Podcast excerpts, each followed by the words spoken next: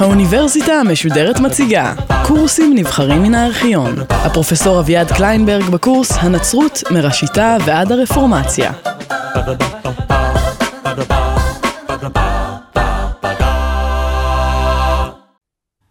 בשיחה הקודמת דיברנו קצת על הדור הראשון של אה, הקהילה הנוצרית, ובשיחה הזאת נדבר על אה, המאה השנייה, על אה, הדור השני של הקהילה הנוצרית ועל התהליכים העוברים על הקהילה באותן שנים.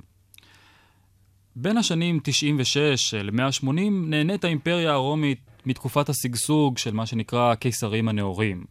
תקופה של שלום יחסי, תקופה של ביטחון יחסי, תקופה של uh, סובלנות. הרדיפות הספורדיות של המאה השנייה נפסקות. Uh, יש לציין כמובן שבתקופה, דווקא בתקופה הזאת, uh, ביהדות uh, אנחנו עוברים משבר קשה מאוד של מרד בר כוכבא, משום שבשעה שלכל העולם אה, הייתה מין הנאה גדולה מהקיסר אדריאנוס, שהיה נאור ופתוח, דווקא אצלנו אה, התוצאות של מרד בר כוכבא הן קטסטרופליות, אה, גם חורבן גדול, אובדן גדול של חיים, וגם בעצם סילוק היהודי מן העיר ירושלים. בשנת 135 אה, מסתיים מרד בר כוכבא בתוצאות הרות אסון ליהדות. היהדות שרויה במשבר עמוק מאוד, העיר ירושלים נחרבת ועליה מוקמת אה, עיר פגאנית, אליה קפיטולינה, אה, מקום המקדש מטמא, והיהדות נאלצת לדון בשאלות, בשאלות משלה. הנצרות, במקביל, מתנתקת והולכת מן החברה היהודית ומן הניסיון שלה אפילו לעשות נפשות בקרב הקהילה היהודית. הכנסייה עוסקת בארגון עצמה כקהילה, ובתגובות ראשונות על ביקורת פגאנית ויהודית אליה. והתגובות האלה נעשות אה, במסגרת סוג של ספרות שאנחנו קוראים לו הספרות האפולוגטית. מתחילים להופיע שני סוגים של אה, כתבים נוצריים. א', כתבי הגנה על הנצרות, משום שמן הרגע שהפגאנים מתחילים יותר לשים לב אה, אל הנוצרים, הם מאשימים אותם במיני האשמות אה, איומות ונוראות, שמאוחר יותר יאשימו בהן גם את היהודים. למשל, שהם אוכלים ילדים קטנים, למשל, שהם uh, בפגישות שביניהם הם uh, מתעסקים באורגיות מיניות, uh, למשל, שהם עובדים אל שראשו ראש חמור, או האשמות מסוג זה. והנוצרים uh, מגינים על עצמם, מגינים על עצמם בזכות uh, טוהר מידותיהם, הם מבהירים את, uh, דווקא את הפרישות המינית שלהם, הם מבהירים את uh, האמונה החזקה שלהם uh, באל האחד. והסוג השני של כתבים הוא הזיופים הנוצריים. הנוצרים uh, רוצים להתאים את עצמם לתוך העולם ההלניסטי, והם עושים את זה בין היתר באמצעות המצאת כתבים. למשל, אתה ממציא נבואות, נבואות שמדברות על בואו של ישו, נבואות שמדברות על חורבן בית המקדש, נבואות שמבשרות את הצלחת הנצרות. כמובן שאתה מייחס את הנבואות האלה לדורות עברו, לסיבילה, אתה מייחס אותן אפילו לפעמים למיני אורקולים מדלפוי או במקומות אחרים, שכולם אמורים להצהיר על עליונות הנוצרות ועל אה, ניצחונה בתוך העולם. ישנן השפעות חשובות ה, של הפילוסופיה ההלניסטית כבר uh, באבנגליון של uh, יוחנן, uh, שמתחיל בתיאור של הלוגוס, מילה שבעצם ישו ספק אם הכיר אותה. בראשית היה הדבר, והדבר היה עם האלוהים, והדבר היה האלוהים. כאין תיאור פילוסופי של התגשמות של רעיון מקורי שנמצא, או רעיון שנמצא במוחו, במוחו של האל, של הדמות השנייה כרעיון פילוסופי, של משהו שנלחם בכאוס עם העולם, יש לו נטייה, כמו כל דבר נברא, לגלוש אל עבר התוהו ובוהו. הלוגוס בתור יצירת האל, בתור דבר האל, הוא מה שעוצר את העולם, הוא אנטי כאוס, אפשר לקרוא לו כך. מה שחשוב יותר מן הדיונים הספציפיים הוא עצם העובדה שאנשי הקהילה הנוצרית בראשית דרכה בחרו להגן על אמונתם במונחים של הפילוסופיה ההלניסטית. בחרו להפוך את אמונתם לאמונה שבה המעשים חשובים פחות, זה כמובן חלק מן ההשפעה של פאולוס, ובה האמונה הטהורה, האמונה הנכונה, היא מרכזית. אחד מהדברים שאנחנו רואים בנצרות, החל מן המאה השנייה, וכמובן במידה הולכת וגוברת בהמשך, היא העובדה שיש להאמין נכון. ביהדות למשל חשוב הרבה יותר לעשות נכון. ובעניינים שבהם אין אה, שאלה של מה בדיוק צריך לעשות, יש מידה רבה של פתיחות, מידה רבה של פלורליזם. משהו כגון בת הקול היוצאת מן השמיים והאומרת לבית הלל ולבית שמאי שזה וזה דברי אלוהים חיים, לא ייתכן בנצרות החל מן המאה השנייה. משום שבנצרות ישנה אמונה נכונה, וכל השאר הוא טעות לפעמים, ושקר לעיתים אחרות. מהי האמונה הנכונה? היא השאלה שבה צריך להתמודד אה, בעולם של המאה השנייה, שבה מתחילה הנצרות להתמודד בעולם של המאה השנייה. התחרות באה מכמה, מכמה כיוונים. הכיוון האחד הוא הכיוון של יצירת כאין סינקרטיזם נוצרי פגאני. סינקרטיזם כן ערבוב של אמונות נוצריות ואמונות פגאניות. והדרך, או הזרם החשוב ביותר, העושה את המעבר הזה, הוא מה שנקרא הגנוסיס, או הגנוסטיקה. הגנוסיס, מילה יוונית שפירושה ידע. בדרך כלל ידע סודי, ידע שניתן רק ליחידי סגולה, לא ידע נפוץ אה, בריש גלי. הידע הזה כולל בתוכו, אצל הגנוסטיקאים, אלמנטים של קוסמולוגיה פגאנית ואלמנטים של אה, הנצרות. הנצרות, כמובן, אה, איננה, או הנצרות האורתודוקסית, הנצרות של, אה, שבסופו של דבר ניצחה, איננה מכונה לקבל את העירוב הזה של מין בשאינו מינו. בין היתר משום שהכיתות הגנוסטיות, ואחת החשובות שבהן, הכת שבראשה עומד מרקיון, אדם שמוחרם בשנת 144, עושה הבחנה בין האל של הברית הישנה לאל של הברית החדשה. האל של הברית הישנה, האל שלנו, הוא אל שאיננו פועל כהלכה על פי תפיסתו של, אם נקרא לזה כך, פילוסוף הלניסטי. משום שהוא אל שהוא נוקם ונותר, משום שהוא אל שמתחרט, משום שהוא אל שמעניש בעונשים חמורים על מיני מעשים שנראים לפיל... לפילוסופה ההלניסטי כמעשים חסרי משמעות, משום שהוא אל שהוא מתערב יותר מדי בבריאה שלו, משום שהוא אל גשמי מדי, שיש לו דרישות גשמיות, הוא דורש קורבנות למשל. ובכן, ישנה הבחנה בין האל הטוב, האל הספיריטואלי לחלוטין, האל שברא את העולם של הרוח, לבין האל הרע, המכונה לפעמים אדם יורגוס, האדריכל או הבעל המלאכה, אה, האל שעשה את העולם הגשמי, עולם שבו יש אה, גם כניעה לחומר, שבו יש עירוב של הרוח ושל החומר. הגנוסטיקאים האמינו ש... בתוך העולם הגשמי הזה, העולם הנברא, העולם שאנחנו רואים אותו בעינינו, בתוך העולם הזה ישנם ניצוצות, כאין ניצוצות של ספיריטואליזם, ניצוצות של ידע, ובאמצעות התפיסה או החיבור של הידע הנכון, יכול האדם להגיע לגאולה. מה שהגנוסטיקאים, מה שאנשים כמו מרקיון ואחרים עושים, אה, מאיים על הקהילה הנוצרית משתי סיבות. הסיבה האחת היא שהוא יוצר אריסטוקרטיה, הוא יוצר אריסטוקרטיה ספיריטואלית. ברור שלא כל בני אדם יכולים להיות שותפים לאותו ידע מסובך ומעופל המדבר על דורות של מיני אלים ודמויות ספיריטואליות השולטות בעולם, אינם מסוגלים לתפוס את הקוסמולוגיה המסובכת של הכיתות הגנוסטיות. והדבר השני הוא הניתוק בעצם מכתבי הקודש היהודיים. ההחלטה שלא להינתק מכתבי הקודש היהודיים, ההחלטה שהנצרות היא דת, אם נקרא לה, של המשך, ולא דת של התחלה, היא החלטה קריטית בהיסטוריה של הנצרות. הנצרות לא הייתה חייבת להגיע למסקנה הזאת.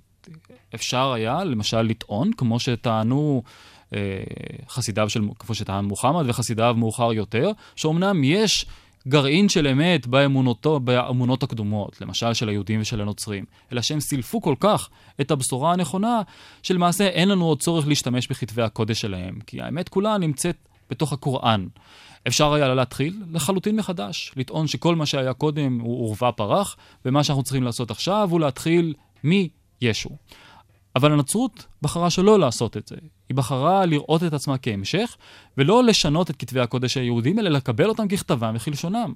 לקבל אותם ככתבם וכלשונם זו החלטה שיש לה משמעויות גדולות הן ליהדות והן לנצרות. מבחינת הנצרות זה אומר שהחל מן המאה השנייה, ובמידה הולכת וגוברת שוב מאוחר יותר, ישנו צורך במפעל פרשני אדיר שיסביר מדוע הברית הישנה מתיישבת עם הברית החדשה. שיסביר, למשל, מדוע הברית עם היהודים בטלה מן העולם. שהרי באין ספור מקומות בברית הישנה היא נאמרת ומובטחת וחוזרת ומובטחת.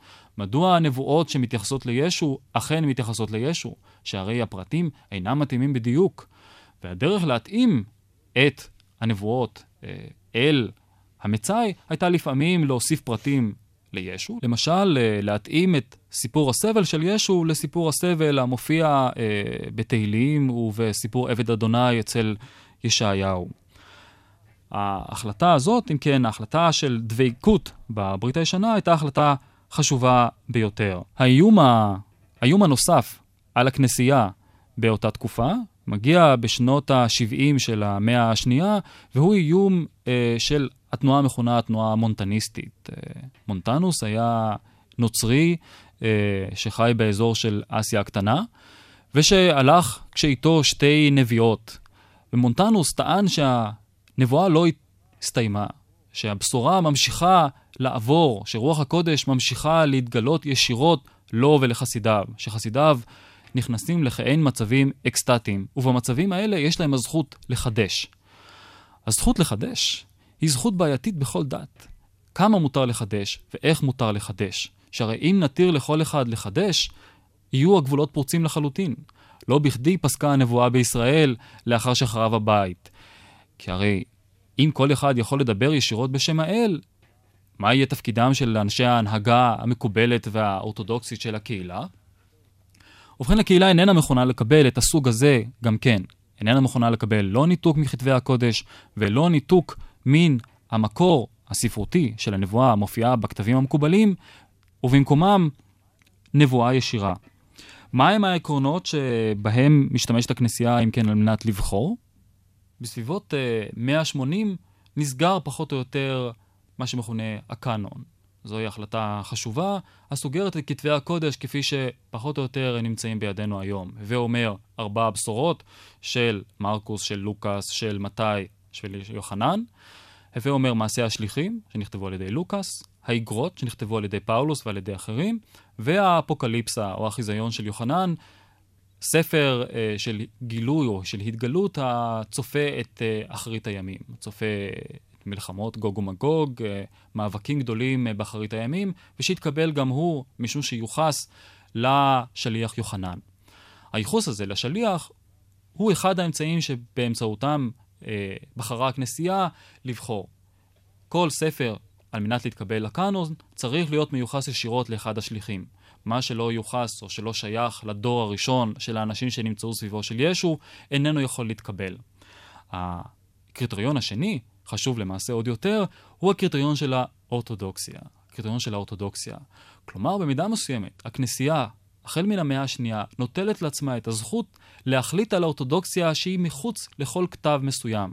במאה החמישית יאמר את זה אוגוסטינוס הקדוש מהיפו בצורה הברורה והחדה והכנה ביותר. לולי המסורת של הכנסייה הקדושה והאפוסטולית, לא הייתי מקבל אפילו את כתבי הקודש.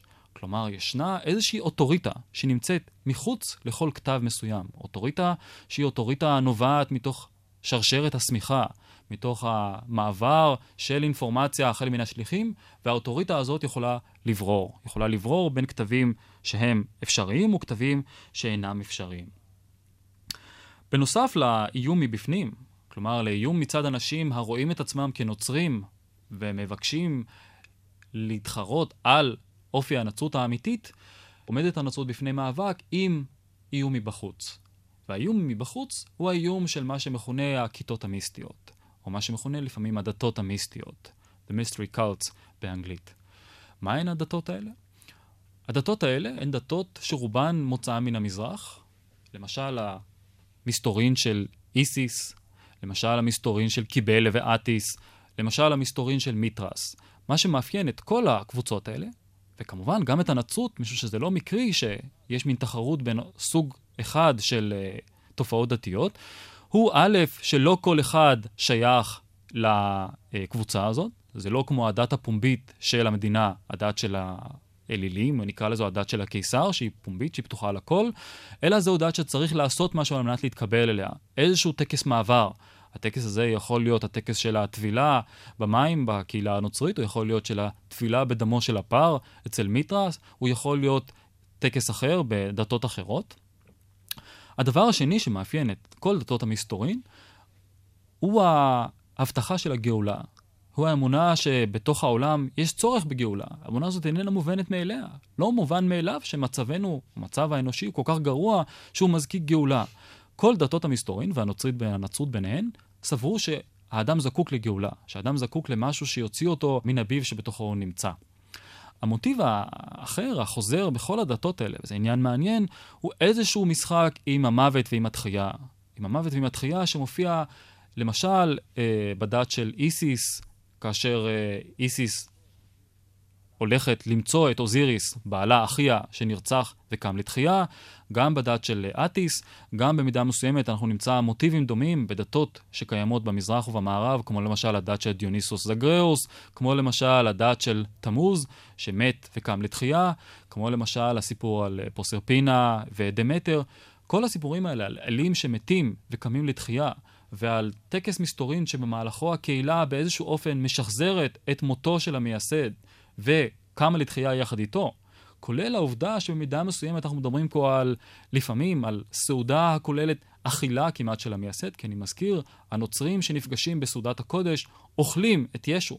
הם אוכלים את ישו משום שהוא אמר, איכלו את הלחם, זהו בשרי, ושתו את היין, זהו דמי. ובכן, במאה הזאת אנחנו מדברים על uh, מאבק בין כיתות שונות, והנצרות היא רק אחת מהן. יש להבהיר שעדיין אין שום סיבה להניח שהנצרות היא שתנצח במאבק עם הדתות השונות האלה. ברור שיש לאנשים צורך בהתנסויות מסוגים שונים. ברור, אנחנו נדבר על זה יותר בפגישה הבאה, שישנו משבר מסוים בדת הפומבית של הקהילה הרומית. אבל להגיד שיש משהו בקהילה הנוצרית שיחייב או שיבטיח שהיא תצליח בעתיד, ודאי שאי אפשר להגיד. יש מידה רבה של מקריות ואנחנו נדבר על זה שוב יותר מאוחר. מה כן נותנת הנצרות ששונה בצורה מהותית ממה שנותנות כיתות המסתורין וממה שנותנת הדת הפומבית, נקרא לזה האלילית? מה שהיא נותנת הוא א', קוד מוסרי שונה. קוד מוסרי שונה מחמיר ביותר, מחמיר ביותר. הקוד המוסרי הזה מתבטא למשל, בצורה הבולטת ביותר, בקוד מיני, סגפני הרבה יותר ממה שהיה מקובל. ישו, או כך הוא פורש לפחות, אה, אוסר על גירושין, אוסר על נישואים מחדש, פאולוס ודאי ממליץ אה, בפני האנשים להימנע מיחסי מין בכלל, לא רק אה, מיחסי מין פרועים, והכנסייה אוסרת ומגנה יחסי מין הומוסקסואליים, אה, מגנה ניאוף, הן של גברים והן של נשים. בנוסף לכך, רעיון שהוא, או תפיסה שהיא תפיסה חדשה יחסית בתוך העולם הפגאני, והיא התפיסה של קדושת החיים. כמובן שהעיקרון של קדושת החיים הוא עיקרון הרווח ביהדות, ושהנצרות קיבלה אותו מן היהדות. אבל אין הוא מובן מאליו בחברה של אה, המאה השנייה ברומא. למשל, הנוצרים אוסרים באיסור חמור, מנהיגי הנצרות אוסרים על זניחת ילדים, על הריגת אה, ילדים בלתי רצויים. כל חיים באשר הם, הם קדושים, כל uh, אדם זכאי לחייו, כל אדם באיזשהו אופן uh, הוא ראוי בעיני האל. ישנו קוד חשוב ביותר של עזרה הדדית, אחד הדברים שמושכים אנשים אל הקהילה הנוצרית, היא שמעבר אה, להיותה איזושהי הבטחה של דרך אל הגאולה, מעבר להבטחה שלה שאנחנו משחזרים את החיים של האל המייסד, היא גם נותנת שורה שלמה של סעדים חומריים. זאת אומרת, אנשים שמצטרפים לקהילה מוצאים את עצמם אה, במצב שבו הם ייהנו אם הם חולים, שבו מישהו יתמוך בהם כאשר הם ימותו, יעזור להם להיקבר, יממן את הוצאות הקבורה. כל התפיסה, אגב, של הכהונה הנוצרית היא תפיסה של, בלטינית מיניסטריום וביוונית דיאקוניה, כלומר תפיסה של שירות. המנהיגים של הקהילה אינם פשוט הבוסים, נקרא לזה כך, המנהיגים של הקהילה, הם אנשים המשרתים את הקהילה שבה הם uh, תומכים. ובכן, יש לנו כאן איזושהי תפיסה של דת שהיא דת אתית, של דת שהיא דת שמציעה גם גאולה, ושהיא מתחרה עם uh, שורה שלמה של דתות אחרות. ובכן, מצד אחד יש בקהילה הנוצרית תחושה חזקה של אנחנו לעומת שאר העולם, קהילה מאוד מגובשת. מצד שני, יש uh, להדגיש שהקהילה מקבלת את הסדר הקיים, שאין קריאה למרד, כיוון שהעולם ממילא הוא עולם העתיד לכלות בקרוב, וכיוון שהעולם הוא ממילא עולם שקשה יהיה לתקון אותו, כיוון שכך אפשר לקבל את הכוחות הנמצאים, אפשר לקבל את הסדר הקיים. אין קריאה למשל לעבדים להתמרד כנגד אדוניהם. יש קריאה לאדונים נוצריים להשתדל לשחרר את העבדים. אבל לא מדובר פה במרד חברתי, אלא מדובר בדת שרוצה לחיות את חייה בשלווה בתוך העולם שכנגדו אינה קוראת תיגר, לפחות לא ישירות. במאה השלישית אנחנו מוצאים תחילה של שינוי משמעותי בעולם הרומי, שהרי דתות אינן צומחות רק בתוך התפיסות הפנימיות שלהן וההתפתחויות הפנימיות שלהן. הן טבועות עמוק בתוך העולם החברתי, הפוליטי והכלכלי שבתוכו הן uh, נמצאות. ובמאה השלישית חל משבר קשה באימפריה הרומית. החל מן ה... משנות ה-30 של המאה, אנחנו מדברים על משבר צבאי, על שורה של תבוסות צבאיות בפני הפרסים, בפני ברברים בנסיבות כאלה ואחרות, משבר פוליטי כאשר קיסרים נרצחים על ימין ועל שמאל, ומשבר כלכלי כאשר החברה סובלת מאינפלציה מאוד קשה. המשבר בדת הפגאנית מתחיל בעצם בתקופה הזאת. משום שאנחנו מדברים על הדת שהיא דת המדינה, משום שאנחנו מדברים על דת שה... הצדקה שלה במשך השנים הייתה שהיא מביאה את הניצחונות לליגיונות הרומים, כאשר הליגיונות הרומים מתחילים לספוג תבוסות, כאשר השלטון המרכזי המפקח על הפולחנות הרשמיים נחלש, מתחיל תהליך של הידרדרות באמונה המרכזית. התהליך הזה איננו נובע ממשהו, מאיזושהי חולשה בסיסית באמונה הפגאנית. ההפך, מכל הבחינות אנחנו יודעים היום שבמאה השלישית, בשנים הראשונות שלה, עדיין היו בדת הפגאנית פעילויות נרחבות, למשל של פנייה לאורקולה למיניהם, למשל של הקרבת קורבנות, למשל של כתיבת כתובות למען האלים. מה שקורה, אם כן, איננו תהליך פנימי שבו הדת הפגאנית מתמוטטת. מה שקורה הוא תהליך שבו המדינה מתחילה להתמוטט. כתוצאה מההתמוטטות, הדת הפגאנית גם הופכת להיות פחות סובלנית. על כך נדבר בפגישה הבאה.